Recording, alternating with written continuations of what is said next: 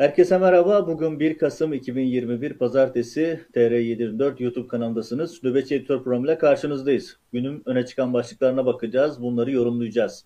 Günün en flash konusu tabii ki Erdoğan. Joe Biden'la Amerika Başkanı Joe Biden'la Roma'da yaptığı görüşme. Görüşmeye dair Erdoğan'ın beraberinde yaptığı, beraberinde götürdüğü gazetecilere yaptığı açıklamalar. Buna karşı Amerika'nın verdiği cevaplar.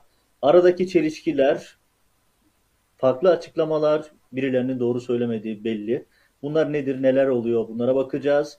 Ve sosyal medyayı kasıp kavuran bir görüntü var. Onu da bununla birleştireceğim. Sosyal medyada özellikle Erdoğan'ın 29 Ekim törenlerinden sonraki görüntüsü, o kısa görüntü ki ilginçtir. Bu görüntüyü servis eden de Cumhurbaşkanlığı ve Anadolu Ajansı yani Fahrettin e, İletişim Başkanlığı.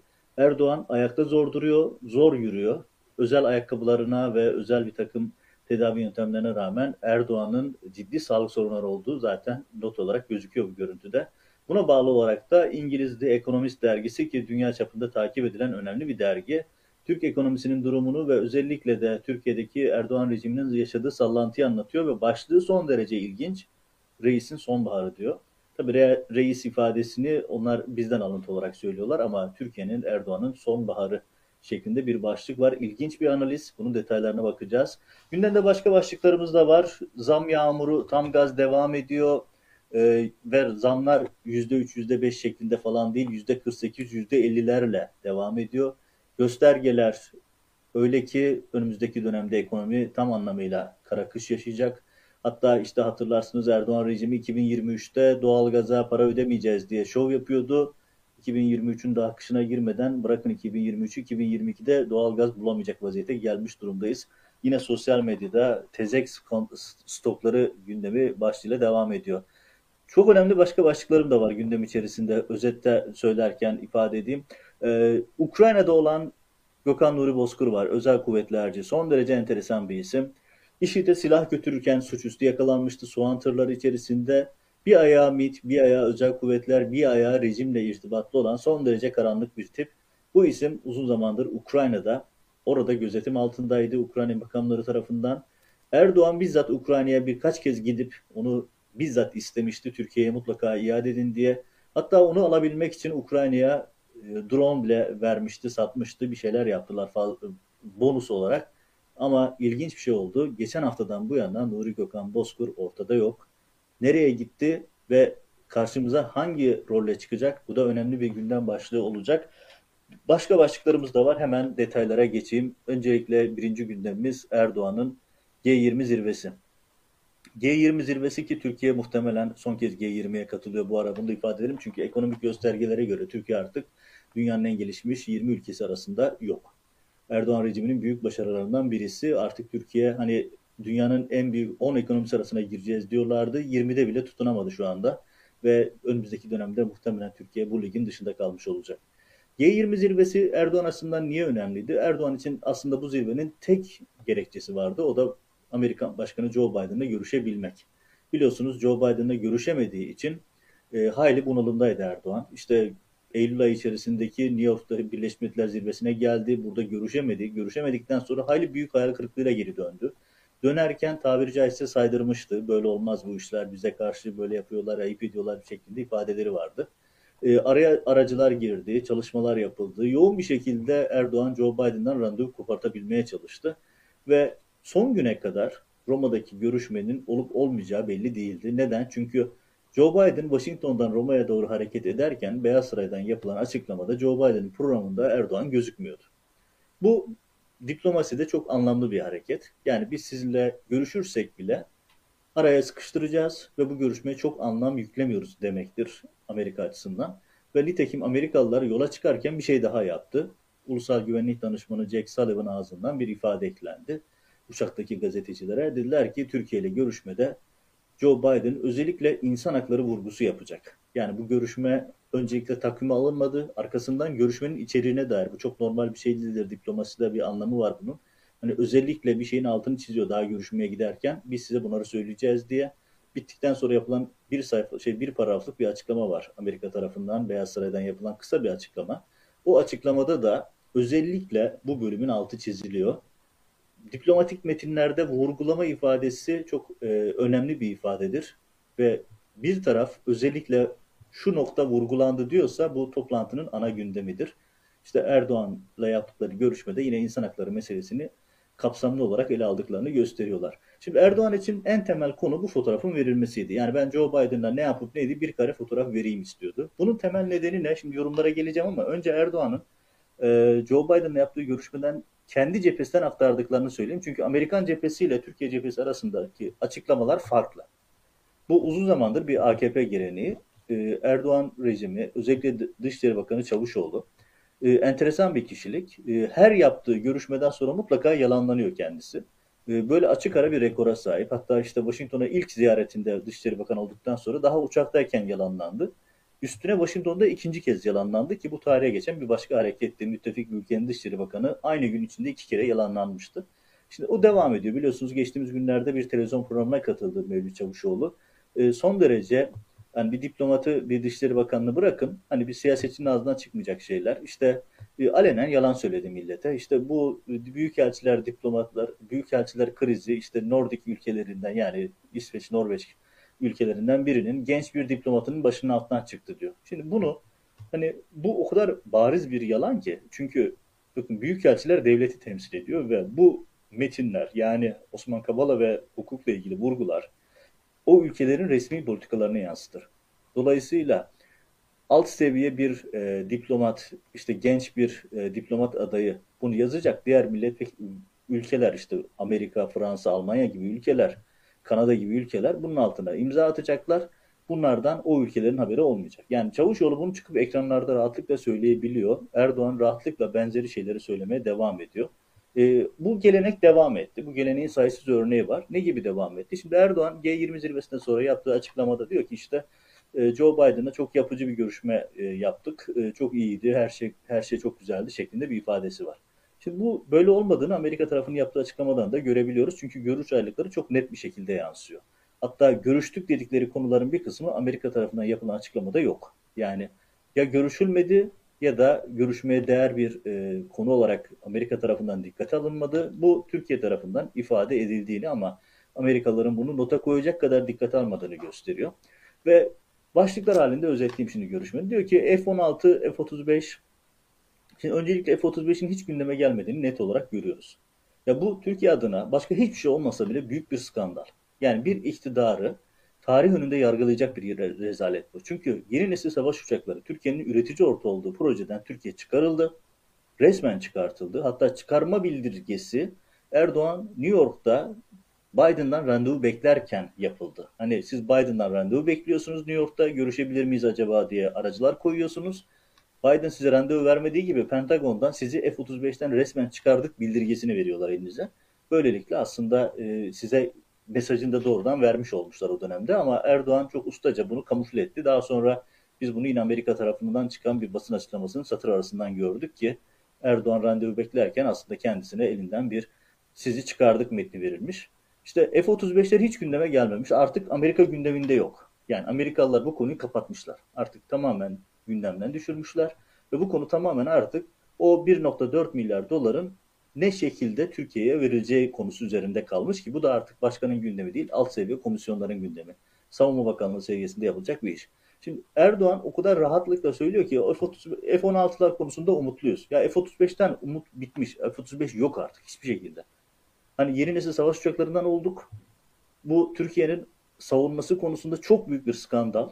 Buna dair çok sayıda video yaptık, analiz yazdık. Yani F-35'ten çıkartılmak gerçekten Türkiye'nin güvenliğini riske atan çok önemli bir skandal. Çünkü Yunanistan, İsrail, bölgemizdeki başka ülkeler bu konularda çok ciddi mesafe alırken Türkiye F-35 olmadığı gibi elindeki F-16'ları da modernize edemediği için yakında onları da uçuramayacak hale geliyor.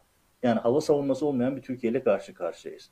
Şimdi bir realite bu. Yani en önemli noktası bu seyahatin bana göre F-35'in tamamen gündemden düşmüş olması. Hani bir ara formül arayışı falan da yok Amerika tarafında. Bu çok önemli bir noktaydı. Ve Erdoğan artık F-16'lara razı. Ama F-16'lara razı ama bunu da alamayabilir. Alması da neredeyse imkansız. Çok büyük bir e, mucize olması gerekiyor. Neden mucize olması gerekiyor? Çünkü Amerika yasaları gereğince silah satışları, özellikle bu tip büyük çaplı silah satışları Amerikan Kongresi'nin onayından geçmek zorunda.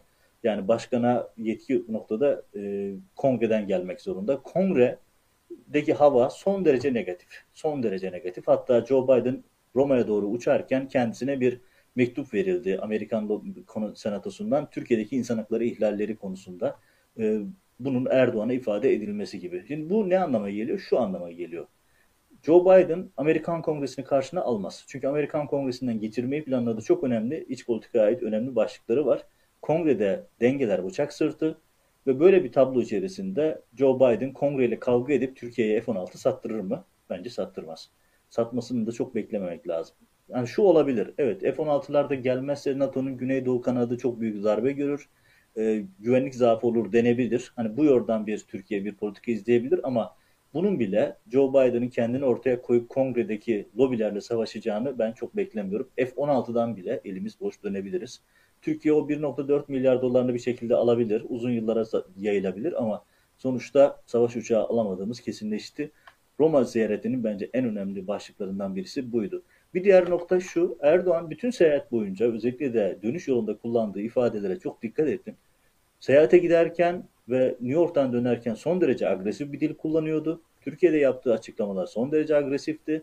Amerika ile Avrupa liderleriyle satışıyordu ama hem Roma'da hem de dönüş yolunda kullandığı ifadeler son derece mutedil.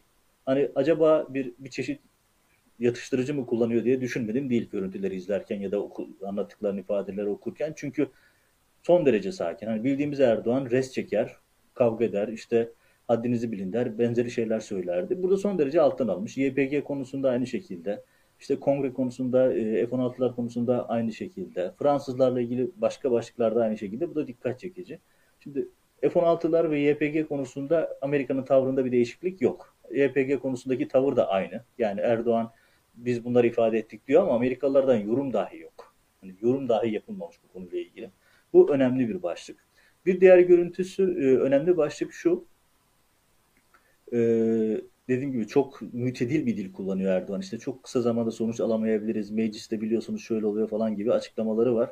Bu çok e, dikkat çekici bir nokta. Erdoğan'ın çok önemsediği bir başlık var. Onu uzun uzun anlatmış. İşte görüşme 20 dakika sürecek dediler, 40 dakika sürecek dediler, 1 saat 10 dakika sürdü diyor.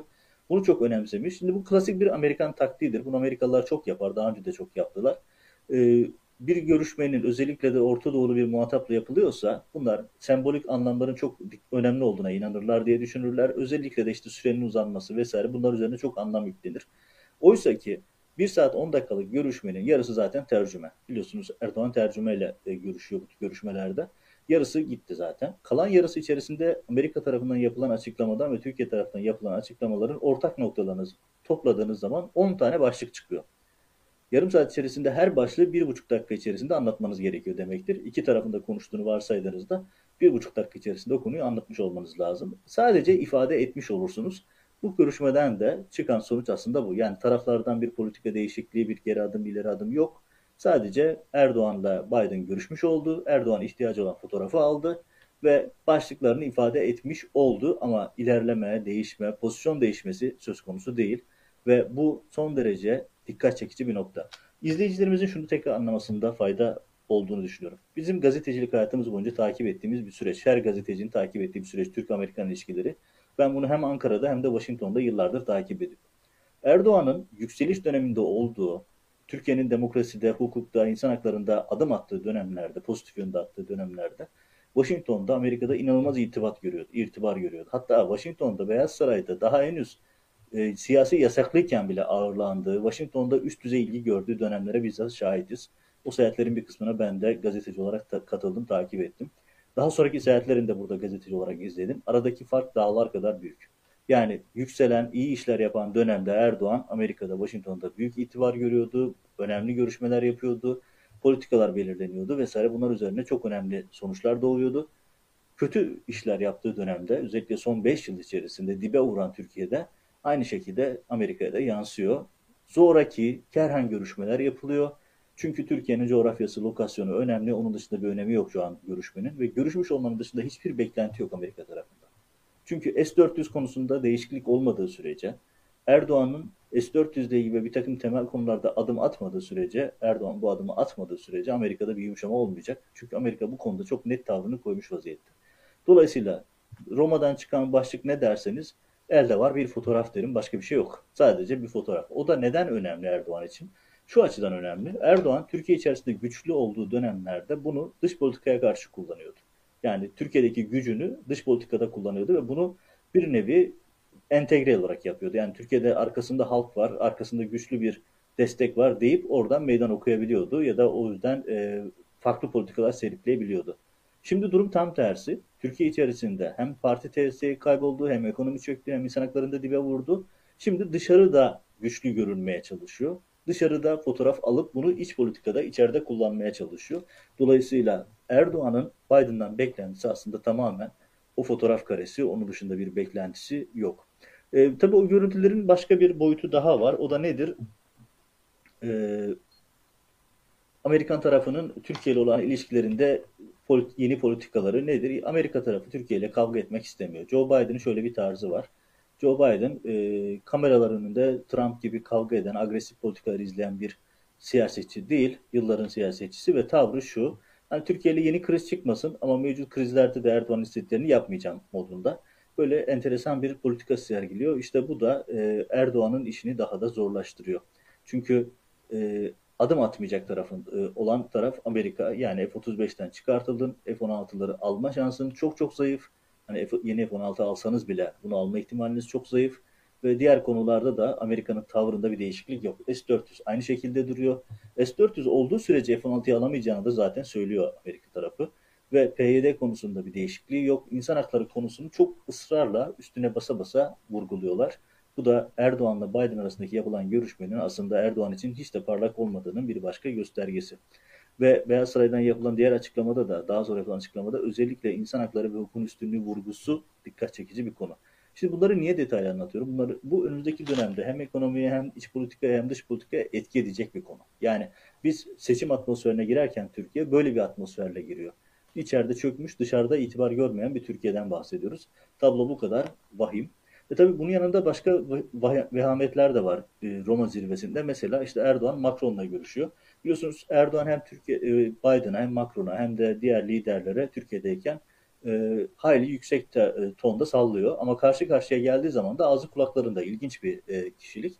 E, tabii bu çelişki dikkat çekici. Çünkü Türkiye'de bu kadar söylendiğiniz bir kişiyle karşı karşıya geldiniz. En azından Erdoğan gibi ağzınız kulaklarınıza varmaz. Çok son derece e, dikkat çekici görüntüler veriyor Erdoğan. Macron'a da aynısını yaptı. Biden'a yaptığı gibi. Yani terörü desteklemekle suçladığınız, e, Türkiye'yi yıkmaya çalışmakla suçladığınız insanlarla karşı karşıya gelince Erdoğan gayet neşeli, gayet yüzü gülüyor. E, diğer muhatapları son derece net durması, e, farklı durmasına rağmen. E, burada ilginç bir diyalog daha var. O da şu, Macron'la yaptığı e, görüşme. Macron'la yaptığı görüşmenin bize bakan önemli bir noktası var. O da şu. Nedir? Erdoğan şimdi Macron'la da e, silah pazarlığına giriyor. Erdoğan dış politikada silah pazarlığı yaparak, silah alarak bir nevi kendine alan açmaya çalışıyor. Şimdi e, Fransızlardan Rafale silahını al, uçağını almaya çalışıyor. Çünkü F-35'lerden dışlandık. Yunanlılar Rafale silahlarını aldılar. Rafale uçakları yeni nesil e, çok etkili uçaklar ve Fransız yapımı. Türkiye şu an onu almaya çalışıyor. E, aynı şekilde başka füze alma çalışmaları da var. Yani bir şekilde Fransa'nın gönlünü Almanya'nın gönlünü silah alarak yapmaya çalışıyor Erdoğan. İşte aynı şeyi Ruslarla, Amerikalılarla yaptığı gibi. Bu kadar ekonominin kötü olduğu bir dönemde bu silah tercihleri konusu hayli tartışmalı bir başka başlık zaten. Şimdi orada tabii ilginç bir diyalog da var. Ee, Erdoğan'ın kafa yapısını göstermesi açısından ilginç. Diyor ki Erdoğan işte Fransızlar, şey Yunanlar size yalan söylüyor onların parası yok diyor. E, tabii Fransız lider şaşkın vardır diyor. Yani sonuçta başka bir ülkenin parası olup olmadığını herhalde Erdoğan'dan bilecek değiller. Ama bu da Erdoğan'ın kafa yapısını göstermesi açısından son derece ilginç. Tabi burada bir noktanın altını daha çizmek lazım. Erdoğan medyasında görme imkanınız yok ama bir detayın altını çizeyim. O da şu. Şimdi Erdoğan'ın yaptığı dönüş yolunda yaptığı açıklamada bir satır dikkat çekici bir nokta var benim önemsediğim. O da şu. E, Hazine Bakanlarımız ve Savunma Bakanlarımız görüşecek diyor. Şimdi Hazine ve Savunma Bakanlarımız görüşecek dediği zaman işin rengi değişir. Neden? Çünkü Amerika'nın Hazine Bakanlığı'nın fokus olduğu, yoğunlaştığı, çalıştığı alan yaptırımlar, İran yaptırımları, ambargonun delinmesi, ekonomik yaptırımlar ve terörün finansmanı gibi konular. Yani bizdekinden farklı bir yapılanmaları var. Ve dolayısıyla eğer bir konuya Hazine Bakanlığı dahil oluyorsa bu konuda meselenin İran yaptırımları ve Halkbank davası olduğunu değerlendirebilirsiniz. Erdoğan ya da Biden tarafından yapılan açıklamalarda Halk Bankası gündeme gelmiş gözükmüyor. Ama Hazine Bakanlığı'nın ve Savunma Bakanlığı'nın bu konularda görüşme yapacağız ifadesi, görüşmelerini de devam ettirecek ifadesi bize şu soruyu düşündürüyor. Acaba Erdoğan bu görüşmede Halkbank sorununu özellikle de geçtiğimiz günlerde Halkbank'la ilgili temin süreci de bitti malum. Tekrar başlık olarak açtı mı sorusunu önemli bir hale getiriyor. Bence bu aklınızın bir tarafında bulunsun. Çünkü Erdoğan'ın Amerika ile olan görüşmelerinin temel noktası Halkbank davası ve Reza Zarrab. Biliyorsunuz Reza Zarrab da yeni hayatıyla yine ilk defa TR754 ekranlarında size aktarmıştık. Aaron Goldsmith olarak yeni hayatında devam ediyor. Bu son derece önemli, son derece dikkat çekici bir ayrıntı. Çünkü Amerikan Hazine Bakanlığı dediğim gibi uzmanlık alanı, yoğunlaşma alanı bizden farklı. Özellikle yaptırımlar, İran ambargosu ve e, terörün finansmanı gibi konularda yoğun olarak çalışıyorlar. Ve orada ilginç bir nokta, bu noktanın altını çizelim. Ve bu noktadan bir başka skandala devam edelim. Şimdi Erdoğan'ın adı artık skandallarla anıldığı için sürekli her gittiği yerde mutlaka olay çıkardığından, korumaları, şoförleri, kendi ekibi kavga çıkarttığından bir şekilde dünya medyasına konu oluyorlar. Şimdi Erdoğan Roma'dan sonra Glasgow'a gidecekti İskoçya'ya. Orada da Dünya İklim Zirvesi var. Erdoğan gitmedi. Tabii son derece dikkat çekici bir durum. Neden? Çünkü Erdoğan dünya liderleriyle fotoğraf vermeye, o fotoğrafları iç politikada kullanmaya çok önem veriyor. Çünkü ekonomi içeride çok ciddi sıkıntı yaşıyor. Dışarıdan desteğe ihtiyacı var. Yani normal şartlarda Erdoğan böyle bir fırsatı kaçırmaz. Ama burada gitmedi. Gitmemesiyle ilgili açıklama da işte özellikle de saray medyasından sızdırılan açıklamalarda da işte bizim güvenlik standartlarımızı sağlamadılar. Biz de o yüzden gitmedik şeklinde bir açıklama var. Bu doğru değil. Neden değil? Birkaç noktayla doğru değil. Birincisi şu. Şimdi Erdoğan için e, temel nokta Biden'la görüşüp o fotoğrafı almaktı. Zaten G20'ye de Glasgow'daki temel motivasyonu buydu. Onu aldı. Yani artık ihtiyacım yok modunda. Bu önemli bir nokta. İkinci nokta şu. Şimdi Glasgow'a gidiyorsunuz. Dünya iklim zirvesine gidiyorsunuz. Yani iklim zirvesi konulu bir yere hani Orta Doğu liderleri gibi, görgüsüz e, petrol şehirleri gibi devasa konvoylarla gitmeye çalışıyorsunuz. Ve İngilizler diyor ki, Britanyalılar diyor ki ya bir dakika yani burada koruma standartları var. Burada ülkelerin standartları var. Herkes buna uyuyor. Siz de uyacaksınız. Dolayısıyla böyle Erdoğan'ın makam araçları askeri uçaklarla taşınacak. Koruma ordusu, koruma ordusunun arkasında başka konvoydaki uzun ordular olacak ve bunlar işte biliyorsunuz New York'ta e, Birleşmiş Milletler esnasında da yaptılar aynı şeyi. New York sokaklarında Erdoğan konvoyu dolaştı. Benzeri bir şeyi Glasgow'da yapmak isteyince Britanyalı yetkililer diyor ki burada olmaz. Yani bir kere zaten mantıken yani şimdi düşünün siz Dünya İklim Zirvesi'ne gidiyorsunuz. E, kata yakıtların azaltılması, işte elektrik ya da işte çevreci şeyler konuşacaksınız. Devasa jiplerle dolu, işte tonlarca ağırlığındaki özel makam arabalarınızla Glasgow'da şov yapmaya gidiyorsunuz. Doğal olarak tepki çekiyor. İşin bu noktası da ayrı bir başka skandal. Çünkü düşünün yani böyle bir toplantıya Erdoğan devasa konvoylarıyla gitmeye çalışıyor. Burada bir nokta daha var. O da şu. Erdoğan'ın korumaları ve ekibi her gittiği yerde olay çıkartıyor demiştim. İşte Washington'a geldiklerinde de olay çıkarttılar. Başka yerlere gittiklerinde hatta Berlin'le Türkiye arasında diplomatik krize neden oldu. Korumalarının estirdiği terör. Şimdi Amerika, e, Erdoğan'ın bu ilginç bir e, şeyi var, korkusu var artık öyle ifade ediyorum ben. Çünkü yani düşünün başka bir ülkeye toplantıya gidiyorsunuz. O ülkenin güvenlik protokollerini uygulamıyorsunuz ve kendi protokollerinizi talep ediyorsunuz. Diyorsunuz ben böyle yapacağım. O da ülke diyor ki bakın bütün ülkelere verdiğimiz standart koruma ve yönetmeliğimiz bu. Yani herkes bunu uyuyor, siz de uyun. Orada şöyle bir e, ayrıntı aktarayım. O da şu mesela Erdoğan diyor ki ısrarla benim kendi makam aracım ve kendi şoförüm olacak. Kendi makam aracı kendi şoförüyle bir şekilde. Ama yerel ülkede diyor ki bakın biz her ülke liderine bu imkanı tanıyoruz. Çünkü protokol kuralları gereğince makam şoförlerinin kendi ülkelerinden olması gerekir. Yani Türkiye'den değil de orada İskoçya'da bir, çünkü çok basit bir mantığı var onda. Olağanüstü bir durumda yolları, yöntemleri her yeri bilen insanların olması tercih ediliyor. Çok basit bir protokol kuralı. Ama Erdoğan bunu da istemiyor. Artık e, neyden çekiniyorsa kendi makam aracı, kendi koruması, kendi şoförü ve ben de o kendi e, ordusunu beraberinde götürmek istiyor. Bu da başka bir diplomatik krizi beraberinde getirmiş oluyor. Tabii bu ara şu noktayı da hatırlatalım. E, hani geçen hafta çok konuştuk. E, artık Erdoğan'ın krizleri her haftanın ayrı bir gündemi. Büyükelçilerin diplom istenmeyen adam edilme süreciyle ilgili Fransa'dan ve başka ülkelerden açıklamalar var. Biz açıklamalarımızdan geri adım atmış değiliz. Aynı noktada duruyoruz diyorlar. Bu da önemli bir gündem maddesiydi. Bunu hatırlatmış olalım. Gündeme yine Erdoğan'la devam ediyoruz. Ee, ben özellikle Türk-Amerikan ilişkilerinin Türkiye'nin bundan sonraki sürecinde çok yakından ilgilendireceğini düşündüğüm için biraz geniş bir çerçeveden ele aldım. Ama sosyal medyanın gündemine bakıyorum, Google trendlerine bakıyorum. Türkiye'de şu anda en çok konuşulan konu Erdoğan'ın 29 Ekim törenlerinde verdiği görüntü. Erdoğan 29 Ekim törenlerinde biliyorsunuz resmi protokol e, uygulamaları Erdoğan devletin başkanı olarak e, tebrikleri kabul ediyor. Bu görüntülere biliyorsunuz Anıtkabir'deki programlara ve başka yerlerdeki programlara az sayıdaki muhalif kanal ya da en azından muhalifimsi kanal Fox TV gibi davet edilmedi. Davet edilmemesinin temel noktası şu Erdoğan'ın e, bu tip görüntülerinin çekilmesini engellemek. Yoksa basın özgürlüğü falan gibi takıntıları yok e, Erdoğan ekibinin. Zaten Türkiye'de basın kalmadığı için son derece rahatlar. Ama temel motivasyonları şu. Hani olur da Erdoğan tek özler, olur da Erdoğan e, yanlış bir şeyler yapar. Bunu da işte e, muhalifimsi kanallar çekmesin, yayınlamasınlar diye bunları da artık haberin olduğu yere sokmuyorlar. 29 Ekim törenlerindeki görüntüyü bizzat Cumhurbaşkanlığı servis etti. Bu görüntüler de şu an verdiğimiz görüntüler de zaten Cumhurbaşkanlığı kendi sitesinden. Şimdi Erdoğan'ın görüntülerine bakın.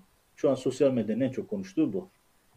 Özel ayakkabısı. Çünkü biliyorsunuz e, yürürken çok zorlanıyor, dengesini sağlayamıyor, konuşurken cümleleri toparlayamıyor. E, bu herkesi ilgilendiren bir konu. Bu noktada tekrar hatırlatalım. Ülkenin Cumhurbaşkanlığı sağlığı Türkiye'deki herkesi ilgilendirir, dünyayı ilgilendirir. Çünkü sonuçta devleti temsil ediyorsunuz. Ve Amerika örneğini tekrar hatırlatayım. Amerika'da her yıl başkanlar sağlık kontrolünden geçer ve bütün rakamlar, veriler e, halka açıklanır. Başkanın sağlık durumu bu. Biz kilosundan kan değerlerine kadar, kolesterolünden nabzına kadar her şeyi görürüz. Çünkü görmek zorundayız. Ülkenin kararlarını alan kişiden bahsediyoruz. Şimdi Erdoğan'ın şu görüntüsüne baktığınız zaman ne görüyorsunuz? Son derece net. Erdoğan ciddi sağlık sorunları yaşıyor. Ayakta durmakta zorlanıyor. Dengesini sağlayamıyor. Çok belirgin bir şekilde gözüküyor zaten. Dahası bu görüntüyü servis eden Anadolu Ajansı, bu görüntüyü servis eden Fahrettin'in başında olduğu İletişim Başkanlığı. Hep söylüyorum İletişim Başkanlığı Erdoğan'ın altına uymak konusunda özel bir misyonla çalışıyor gibi. Çünkü Erdoğan'ın sağlığıyla ilgili bütün spekülasyonları büyütecek görüntülerin altında İletişim Başkanlığı'nın imzası var. Bu da son derece enteresan bir nokta dikkatimize sunmuş oluyor. Şimdi bu görüntü tabii ki çok anlamlı. Neden? Çünkü Erdoğan'ın döneminin sona geldiği, Erdoğan'ın döneminin e, bitmekte olduğunu göstermesi açısından son derece önemli. Çünkü Erdoğan'ın artık e, yani 2023'ü görüp görmeyeceği belli değil. Artı 2023'ü görse bile o seçimi kazanamayacağı konusundaki şey giderek e, tablo giderek tersine dönüyor. Bugüne kadar girdiği seçimleri kazanan, en azından son bir iki seçimde şaibe olsa bile öncekilerde rahat kazanan Erdoğan bir şekilde bugüne kadar götürüyordu. Ama artık Erdoğan döneminin sona erdiği, sona ermekte olduğu algısı giderek yerleşiyor. Bu noktada The Economist'in, İngilizlerin e, ne dediğine bakılan önemli yayın organlarından birisinin bir yorumu, analizi var. E, ilginç bir analiz. Ben özellikle içeriğinden ziyade başlığına takıldım. E, yani şöyle Türkçe'ye şöyle tercüme edelim. Reisin sonbaharı. Yani tahtaki sonbahar. E, patriarklık yani şöyle ifade edeyim. Reisin sonbaharı en güzel ifade olur Türkçe ifadeyle. Reisin sonbaharı demişler ve ekonomideki çöküş, diplomasideki çöküş, siyasetteki çöküşü anlatırken bu başlığı dikkat çekmişler. Şimdi bu başlığın üzerine Erdoğan'ın ayakta duramayan görüntüsünü eklerseniz bunun ne anlama geldiğini daha da iyi görmüş olursunuz. Bu görüntü şu an sosyal medyanın e, bir numaralı gündemi. Bu açıdan dikkatinize sunmuş olalım. E, Erdoğan'ın sağlık sorunları yaşıyor olması, gele ve bundan sonraki döneme dair e, çok ciddi belirsizlikler yaşıyor olması ekonomiden bürokrasiye herkesi doğrudan etkiliyor. Şimdi ona dair başka haberlerde sunacağım. Çünkü hep söylüyorum bürokrasi rüzgarı çok iyi koklar. Eğer Erdoğan döneminin sonu geldiğine inanırsa bürokrasi tavrını hemen o yönde kor ve bunun örneklerini de biz son günlerde zaten çok belirgin görmeye başladık. Erdoğan'ın altındaki halının kaymakta olduğu daha net gözüküyor. Bu açıdan da bu görüntüyü de gündemimize sunmuş olalım. Bu noktada e, bir haber at, e, araya bir haber ekleyeyim. O da şu. Cem Küçük biliyorsunuz kendisi gazetecilikten çok tetikçilik yapmasıyla meşhur. İstihbarat örgütüne yakınlığıyla biliniyor. Zaten bunu saklamıyor. Kendisi ifade ediyor. Eskiden gazetecilerin istihbarata yakın olması utanılacak bir şeydi. Gazeteciler bunu özellikle anlatmaz saklardı. Hatta ortaya çıkarsa bile utancından bir daha medya piyasasına çıkmazdı. Ama Erdoğan rejimiyle birlikte çok şey değişti. İşte onlardan biri de bu. Şimdi rejimin gazetecileri saraya saraya ve MIT'e yakın olmakla övünüyorlar. Ve MIT'in basın sözcüsü gibi davranıyorlar. İşte onlardan biri de Cem Küçük. Cem Küçük, e, HDP milletvekilleri Hüdakaya ve Ömer Faruk Gergerlioğlu ile ilgili çok yakışıksız bir yazı yazmıştı. Onunla ilgili ilgili milletvekilleri suç duyurusunda bulununca Cem Küçük kendisine dava açılmasına içerlemiş. Fena halde içerlemiş. Böyle bir şey nasıl olur diyor. Ve diyor ki işte nasıl olsa Erdoğan gidiyor diye siz de pozisyon alıyorsunuz diyor. İşte az önce bahsettiğim görüntünün yansımaları bu şekilde oluyor. Erdoğan döneminin bittiğini gören herkes yeni pozisyona göre yeni döneme göre pozisyon alıyor. Bu arada Cem Küçük konusunda şu hatırlatmayı da yapalım. Cem Küçük'ün zaten bu kadar pervasız olması, bu e, hayasız yazıları yazmasının temel noktası da işte zaten bu saraya ve MİT'e güvenmesi ama aynı zamanda yargının da kendine dokunmayacağını bilmesiydi. Çünkü öyle yazılar, öyle hakaretler yazıyordu ki bu yazıların normal şartlar içerisinde davalık olması kaçınılmaz ve ceza alması kaçınılmazdı. Ama bugüne kadar almadı. Hatta bir dava konusu da benim bireysel yaşadığım bir örnekti. Benimle ilgili yüzde yüz bir yalan yazı yazdı. Ben de dava açmıştım. O zaman tabii 15 Temmuz falan olmamıştı henüz. Ve dava sonucunda mahkeme dedi ki evet Cem Küçük'ün yazdığı yalandır. Doğru değildir. Böyle bir iddia belgelenememiştir. Ama ceza almasına da gerek yoktur diye bir mahkeme kararı verdi. Benim avukatımın o dönem avukatım vardı. İfadesi şuydu. Hakimin kararı açıklarken sesi titriyordu dedi. Artık kim neyle tehdit etmişse e, evet Cem Küçük yalan yazmıştır ama verdiği kararın da bir tazminat cezasını hani benim lehime bir tazminata da hükmetmeye gerek yoktur şeklinde garip bir karar vermişti. Bu örneği de arada hatırlatmış olayım. Yani Cem Küçük o dönemin e, o e, pervasızlığın devam edeceğini düşünüyordu ama yanılıyor. İşte Erdoğan sallantıya girdikten sonra bürokrasi de hemen kendi ayarlarına geri dönüyor. Bu bunların ve Cem Küçük tarzı kişilerin kulaklarına küp olması gereken önemli bir nokta. Bunu da hatırlatmış olalım. E, gündemde biliyorsunuz TÜGVA belgeleri var. Uzun zamandır TÜGVA belgeleri dikkat çekici bir şekilde gündemin içerisinde yer alıyor. Ve son skandal biliyorsunuz TÜGVA e, denen yapı Türkiye Gençlik Vakfı Bilal Erdoğan'ın başkanında Erdoğan'ın himayesindeki bir vakıf ve temel hedefi Erdoğan'ın devlet kadrolarını kendi yandaşlarına dağıtması. Bu noktada şunun altını tekrar çizelim. Özellikle bir takım çevrelerde işte bu paralel devlet yapılanması vesaire gibi bir benzetmeyle konu e, Gülen cemaatiyle kıyaslanıyor. Çok yanlış bir kıyaslama. Neden? Çünkü Türk TÜGVA dediğiniz yapı şöyle ifade edelim. Erdoğan'ın sağ kolu sol kolu olduğunu varsayın. TÜGVA o kollardan bir tanesi. Yani rejimin zaten parçası. Dolayısıyla herhangi bir şekilde paralel falan değil, devletin kendisi. Yani Erdoğan TÜGVA eliyle devlet kadrolarını TÜGVA'ya dağıtıyor. Hani herhangi bir şekilde dışarıdan birinin gelmesi falan söz konusu değil. Direkt aynı yapının bir parçasından bahsediyoruz. Dolayısıyla paralel yapı benzetmesi sağlıklı bir benzetme değil. Doğru olan benzetme devletin TÜGVA'ya peşkeş çekilmesi. Erdoğan'ın tek cemaat kurması diye bir tabir söz konusu. Bunu daha önce defaatla anlatmıştım. Şimdi oradan yeni bir skandal ortaya çıktı. Selman Öğüt, biliyorsunuz Hilal Kaplan, AK Petrolcesi sarayda e, sizin bizim vergilerimizle e, oturup, yalıda oturup herkese nefret kusan, e, o iğrenç yayınları yapan bir çete var biliyorsunuz. Pelikan çetesi. Hatta Başbakan Davutoğlu'na darbe yapmışlardı bunlar. Bu çete e, sizin bizim vergilerimizle finanse ediliyor Berat Albayrak üzerinden. İşte onun kardeşi, Hilal Kaplan'ın kardeşi Selman Öğüt. Selman Öğüt de biliyorsunuz televizyon ekranlarına yaptığı e, tartışmalarla biliniyor. Bir, bir nevi e, tartışma programlarının amigosu gibi bir kişi. Hukuk ama hukuk okumuş ama hukuktan hiç nasibini alamamış birisi. Neyse konumuz şu. TÜGVA e, bir projesi kapsamında e, Selman Öğüt'ün e, pro programına 1500 tane bedava bilet vermiş. 1500 tane bedava bilet ve bu biletler yurt dışı biletleri. Yani rakamın büyüklüğünü düşünebilirsiniz. Bu şekilde mesela Hindistan, Rusya, Orta Doğu ülkeleri için ve benzeri yerlerde yapılacak programlar ve de oralara gidecek gelecek insanlarla ilgili bedava biletler rakamı düşünebilirsiniz. Buradan en az 150-200 bin dolarlık bir bilet den bahsetmek mümkün. Tabii burada şey e, noktanın şunu da altını çizelim. TÜGVA ile devlet kurumları arasındaki yapılan yazışmalar çok dikkat çekici. Dil çok dikkat çekici. TÜGVA resmen talimat veriyor. Hani biz böyle bir proje yapıyoruz, siz de bize sponsor olun şeklinde gitmemişler. Biz böyle bir talep ediyoruz, bunu karşılayın diyorlar. Bütün valiliklere yazılan yazılar böyle, bütün kurumlara yazılan yazılar böyle. Hatta bir tane bir başka yazışmada işte İstanbul'da bir iftar programı yapıyoruz. Antalya Büyükşehir Belediyesi olarak siz bu masrafları karşılayın şeklinde. Yani böyle bir hani bu tip hareketler bir sivil toplum hareketi kendi imkanlarıyla kendi ekonomik gelirlerini üretip modellemelerini yapıp oradan bir takım aktiviteler yapar. Burada öyle bir şey yok. TÜGVA direkt olarak devletten hazinesine bağlanmış. Oradan bütün programlarını yapıyor. İşte burada gördüğünüz gibi. Şimdi TH'ye bu niye e, ekstra önemli? TH halka açık bir şirket. TH hissedarların hepsinin e, kaybedilmiş parası söz konusu. Böyle e, yapılan yolsuzluklar söz konusu. Bu da onu göstermesi açısından önemli. Tabi burada şunu da dikkat çekelim. Erdoğan rejimi Orta Doğu uzmanı ya da işte bölge uzmanı adı altında bir e, proje başlattı. Yandaşlarını yurt dışına gönderme projesiydi bu. E, sadece TÜGVA üzerinden yani sadece TÜGVA üyesi öğrenciler keşke herkese eşit şartlarda bu imkan sağlansa da Türkiye'deki gençler de uzman olmak için yurt dışında eğitim almaya gidebilse. Ama öyle bir şey yok tabii ki. TÜGVA üzerinden kendi üyelerini dünyanın değişik ülkelerine yollayıp onların bütün paralarını da vergi mükelleflerinin sırtlarına yüklediler. İşte bunların detaylarından bir tanesi.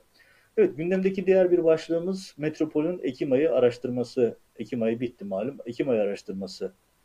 Çok önemli başlıklar var ama bir tanesini özellikle dikkatinize çekmek istiyorum. Toplumun %81'i ekonominin kötü yönetildiğini düşünüyor ve bunların da AKP'li olanların da %60'ı yani düşünün AKP oy verdiğini söyleyen seçmenin daha %60'ı ekonominin çok kötü durumda olduğunu söylüyor. Bu ekonominin kötü yönetilmiş olması seçmende çok önemli bir göstergedir. AKP'li bile olsa %60'ı ekonominin kötü yönetildiğini düşünüyorsa bu Erdoğan için şartların giderek daha da ağırlaştığını gösteriyor. Dolayısıyla Erdoğan'ın şapkadan bir tavşan çıkarması gerekiyor. Bakalım bu sefer ne çıkarabilecek? Çünkü kendi seçimini dahi ekonomik çöküntüyü gösteriyor. Tabii ekonomik çöküntü büyüdükçe AKP TÜGVA örneğindeki rakamlar ya da AKP ve TÜGVA meselelerindeki e, konular daha da millete tabiri caizse batıyor. Çünkü insanlar sofrasına yemek bulamazken seçkin bir takım AKP'li elitin ülke kaynaklarını yağmalaması daha da bir taraf e, canlarını sıkan bir tabloyu beraberinde getiriyor. Bu da önemli bir başlıktı. Gündemin diğer bir maddesi bugün 1 Kasım itibariyle Savunma Bakanlığı'ndan bir açıklama var. Hulusi Akar'ın başında olduğu Savunma Bakanlığı her ay bir açıklama yapıyor. Bu ayki işte bu her ayın başında bir açıklama yapıyor. Yani çok önemsedikleri bir açıklama olsa ki her ay düzenli yapıyorlar. Nedir? Tırnak içerisinde söylüyorum FETÖ'yle mücadele. FETÖ'yle mücadele adı altında bu ay yapılanlar anlatılıyor ve 15 Temmuz'dan bugüne kadar gelinen süreç özetleniyor. Şimdi bakalım 15 Temmuz'dan bugüne kadar geçen süreçte ne olmuş? 24.082 personel ihraç edilmiş. 1380 personel hakkında yani 1400 varsayın işte 26-27 bin kişi. Daha listede olanları da ekleyin. 30 binin üzerinde aşkın insandan bahsediyoruz. Şimdi bu ihraç edilen personelle ilgili rakamların daha da alt başlıkları açmak mümkün. Mesela Türk ordusundaki iki generalden bir tanesi. Düşünün Türkiye NATO'nun en büyük ikinci ordusu. 300 küsür tane general vardı.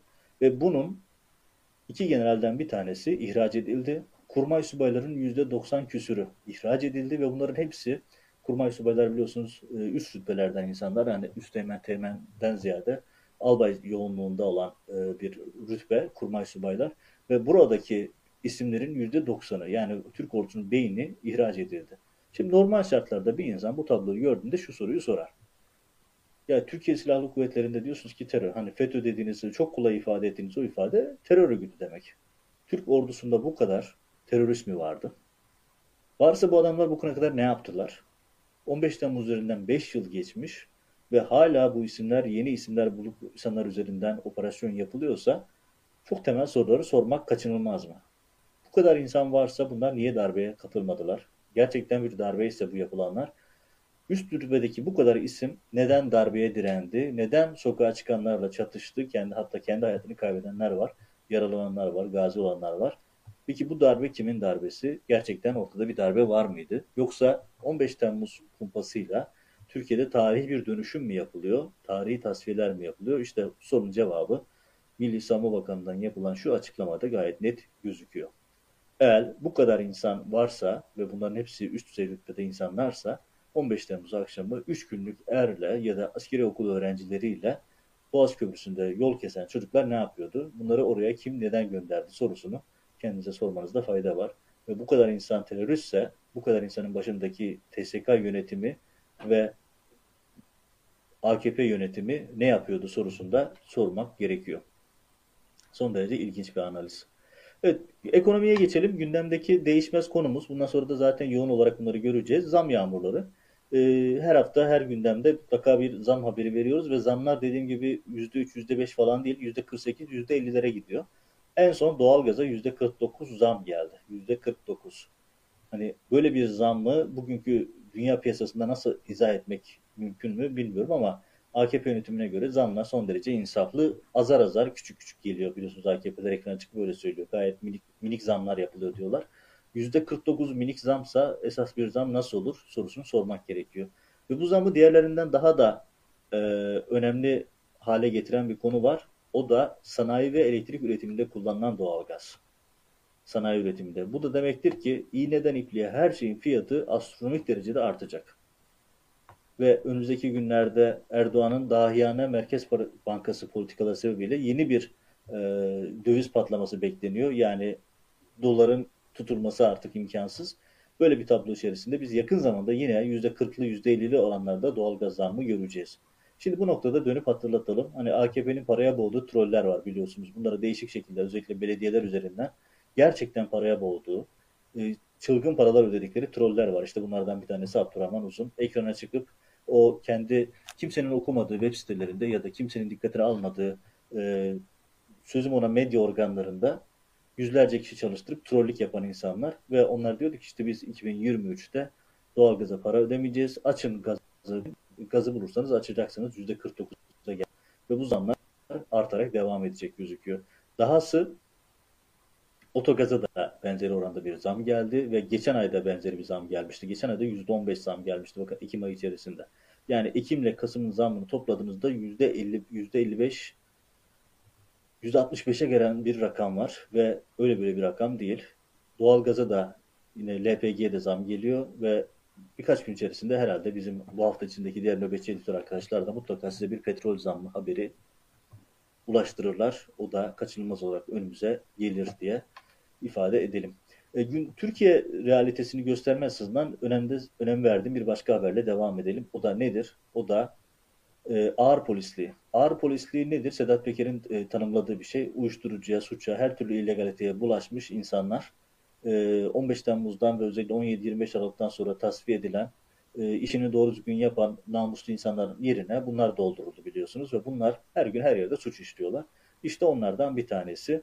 Uyuşturucuyla mücadele için ödül alan bir polis 25 kilo eroinle yakalandı ve Cumhur Acarca adı da onu da ifade edelim. Polis memuru 25 kilo eroinle yakalandı. Yakalanırken de e, kaçmaya çalışırken de 3 polisi yaraladı. Ve e, meslektaşlarını arabayla çarpıp kaçıyor çünkü yakalanıyor. Arabasında eroin ve tabanca var. Şimdi bu çok basit bir şeymiş gibi gelebilir ama bu rejimin karakteristiği. Sadece tekil olarak Adana'da yaşanmış bir hadiseden bahsetmiyoruz. Türkiye'nin her yerinde polis teşkilatı bu tip kişilerle doldurulduğu için her yerde benzeri örnekler var ve uyuşturucudan silaha ve başka suçlara işin bir tarafı emniyete uzanıyor. Bunun yanında işkence yaygın olarak var, kötü muamele yaygın olarak var. Hani Sedat Peker'in düşünün mafyanın şikayet ettiği bir polislik var. Hani mafya polislikten şikayet eder doğru ama mafyanın şikayet noktası e, sadece polislik değil. İşkence, kötü muamele ve her türlü illegalite. Mafyanın polisleşmesi, polisin mafyalaşması gibi bir durum söz konusu. Düşünün mafya polisin mafyalaşmasından şikayet ediyor. Erdoğan rejiminin getirdiği noktayı göstermesi açısından önemli.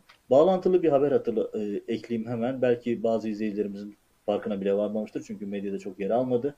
E, Devlet Bahçeli'nin kahraman olarak tanımladığı bir suç örgütü liderimiz var biliyorsunuz. Kürşat Yılmaz. Hani Alaaddin Çakıcı'yı çıkardılar törenlerle, büyük bir coşkuyla, çakarlı arabalarla e, dünyayı e, sivil hayata çıkardılar ve Erdoğan tarafından kendisi mafyaya kayım olarak atanmıştı. Benzeri bir örneği yine yaşandı. Kürşat Yılmaz. O da önemli bir mafya lideri. E, Türkiye'nin önemli bir bölümünde ağırlı olan bir mafya lideri. Kendisi e, bir şekilde cezaevinden çıkartıldı. Tuhaf bir matematik hesabı yapıldı. Yargılaması yeniden değiştirildi. 60 küsür yıl hapis cezası almasına rağmen e, büyük kısmı affedildi cezaların değiştirildi. Yattığı süre dendi, şöyle dendi, böyle dendi matematik oyunları ve kendisi çıkartıldı. Çıkartıldıktan sonra ilk fotoğrafında MHP'li Kocaeli İl Başka, Başkanı'yla e, Aydın Ünlü'yle verdi. E, bu da rejimin sembol hareketlerinden bir tanesi. Gazeteciyseniz, bizim gazeteci meslektaşlarımız, akademisyenler, Sedat Leçiner gibi isimler, Mustafa Ünal gibi gazeteciler, çok sayıda isim cezaevinde çürütülürken mafya özel matematik oyunlarıyla, özel aflarla serbest bırakılıyor ve en üst düzeyde ağırlanıyor. İşte bunlardan bir tanesi de Kürşat Yılmaz. Rejimin karakteristiğini göstermesi açısından önemli. Gündemde iki başlığım kaldı. Daha fazla uzatmadan gündemi toparlayayım. Bir tanesi Nuri Bozkur, Gökhan Nuri Bozkur. Kendisi özel kuvvetlerci, bir ayağı MİT'te olan bir isim ve Ukrayna'daydı. Ee, eşi Ukraynalıydı. Kendisi işi de silah satarken suçüstü yakalanmış bir isim. 2005'lerde Ankara merkezli sauna operasyonu. Hani bugünlerde kasetleri çok konuşuyoruz ya. Aslında bu tip kaset işlerinin merkezi, kaynağı o sauna operasyonuydu. Saunaya koydukları kameralarla siyasilere, bürokratlara şantaj yapan, oradan gelir elde eden bir örgütün içerisinden çıkmıştı Nuri Bozkur. özel kuvvetlerci, her türlü illegalitenin içinde olan bir isimdi. Ve bu isim Ukrayna'daydı. Erdoğan Ukrayna'dan onu alabilmek için bizzat devreye girdi. Defaatle Ukrayna'ya gitti. Ukrayna liderini Türkiye'de ağırladı. Bonuslar verdi, dronlar verdi. Her şeyi yaptı. Israrla Nuri Bozkır'ı istiyorum dedi. Ama olmadı. Nuri Bozkır Türkiye'ye iade edilmediği gibi şu an nerede olduğu da belli değil. Ukrayna'da değil. Bazı duyumlara göre şu anda Avrupa içerisinde bir sahte pasaportla Avrupa'ya geçtiği yönünde bilgiler var. Ama Nuri Bozkır'ın arşivinin çok güçlü olduğunu, sürece ve Nuri Bozkır'a yakın çevrelerin edindiğim bilgiye göre arşivi çok geniş, elinde çok önemli bilgiler, belgeler var ve bu kadar önemli bir isim şu an ortada yok. Bu noktada bir soru bırakarak e, gündeme dikkatinize çekeyim. Acaba Nuri Bozkır Amerika'ya gelip tıpkı Reza Zarrab ya da şu an Avusturya'da tutuklu bulunan Sezgin Baran Korkmaz gibi elindeki bilgileri, belgeleri, Erdoğan rejiminin işlediği suçları Amerikalı makamlarla paylaşır mı? Bence kafanızın bir tarafında durması gereken önemli bir gündem maddesi. Bu konuyu da takip etmeye devam edeceğiz. Son başlığım siyasetin gündeminden bir başlık. Onu da e, hatırlatarak e, gündemi kapatayım. E, bir hani özgür ağırlığım var diyen Bülent Arınç aslında hiçbir özgür ağırlığı kalmayan bir isim. E, defaatle Erdoğan tarafından paspasa çevrildi. Troller tarafından paspasa çevrildi. Trollerin dilinde bir oyuncağa çevrildi. Yaşını başını almış bir insan. E, insan yazık demekten başka bir şey alamıyor. Çünkü Bülent Arınç e, yeni bir toplantıya katılmış. Toplantısı da İstanbul'da öze dönüş toplantısı. Başlık bu. Öze dönüş. E, şimdi eski meclis başkanı, başbakan yardımcısı AKP'nin en önde gelen isimlerinden bir tanesi kendisi. Ve e, dediğim gibi Erdoğan tarafından paspas edilmişti. Troller tarafından paspas edilmişti. Şimdi kendisi İstanbul'da bir grup gence konuşuyor. Öze Dönüş Platformu diye bir platformda toplan kahvaltıya katılıyor. Çok şey söylenebilir ama iki tane noktanın altını çizeyim. Bir tanesi diyor ki ben 2015 sonrası olanlardan beni sorumlu tutamazsınız. Ben yokum diyor. E, hala hazırda e, sarayda değişik görevlerde yer alıyordunuz. Yakın zamana kadar oralarda bulundunuz. E, nasıl ben yokum? Siz AKP'nin parçasısınız. Bu ben yokum demekle buradan çıkılmıyor. Hani bunu niye şöyle söyle, e, niye özellikle dikkatinize çekiyorum? Biliyorsunuz Erdoğan rejimi kendine uygun olan tarihi referans alıyor. İstediği zaman 17 Aralık'ı, istediği zaman 15 Temmuz'u, istediği zaman başka tarihleri referans alıyor. Ama hukuk böyle işlemez. Bülent Arınç hukukçu bunu bilmesi lazım. Ben 2015 sonrası yapılanlardan mesuliyet kabul etmiyorum diyor. Aslında Erdoğan'ı yolda bırakan açıklamalardan bir tanesi de bu. Benzer bir açıklamayı Mustafa Destici de yapmış. Hükümetin yanlışlarından biz sorumlu değiliz diye. Hani o görüntüyü hatırlayın. Erdoğan ayakta zor duruyor, zor yürüyor, zor konuşuyor. Eğer böyle bir tablo görüntü ortaya çıkarsa işte herkesi bir bir bırakıyor. Bırakanlardan bir tanesi de Bülent Arınç. Bülent Arınç'ın söylediği bir cümleyle bitireyim. O da e, çok rahatsız edici bir cümle. Onu da ifade edeyim. Bülent Arınç diyor ki e, klasik İslamcı, siyasal İslamcı refleksi genç kızlarımızın yırtık pantolon giymesine alıştık ama paramparça pantolonlar giyiyorlar. Hani Allah başka dert vermesin Bülent Arınç. Başka bir şey demeyeceğim. Hani genç kızların pantolonunun yırtıklarına takılıyorsunuz da 20 yıldır yönettiğiniz bu ülkede insanlar cezaevinde çıplak aramaya muhatap. Cezaevine giren her kadın, her çocuk, her yaşlı, herkes çıplak aranıyor. Onur kırıcı vaziyette. Tacizler var, tecavüzler var, işkenceyle ölümler var. Sizin benim başörtülü bacım diye oy topladığınız o insanlar bugün cezaevlerinde çocuk büyütüyor. Çocukları cezaevinde büyüyor bu insanlar.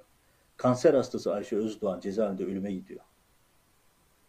Hani o kızların yırtık pantolonunu dert ettiğiniz kadar hayati tehlikesi olan kanser hastalarını cezaevinde çıplak aramaya muhatap edilip, taciz edilip, tecavüze uğrayan kadınları hiç düşünmez misiniz? Bunlar sizin ülkenizde yok mu?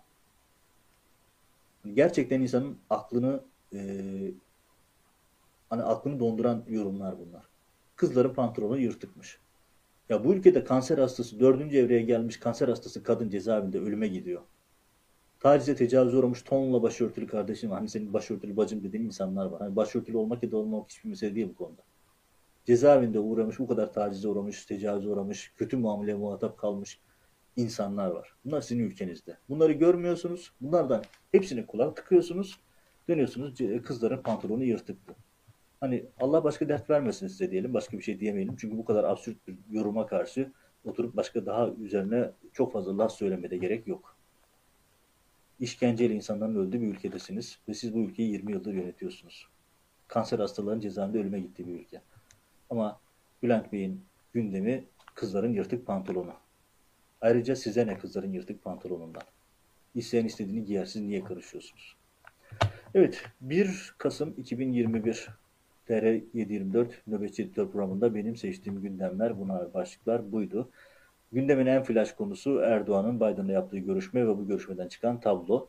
Aslında tablonun özetini The Economist, İngilizlerin ünlü ekonomi dergisi, politika dergisi atmış. Reis'in sonbaharı. Evet, üzerine bir de Erdoğan'ın ayakta zor durduğu görerseniz günün manşeti atılmış oluyor. Reis'in sonbaharı. Evet, yeni yayınlarda görüşmek üzere.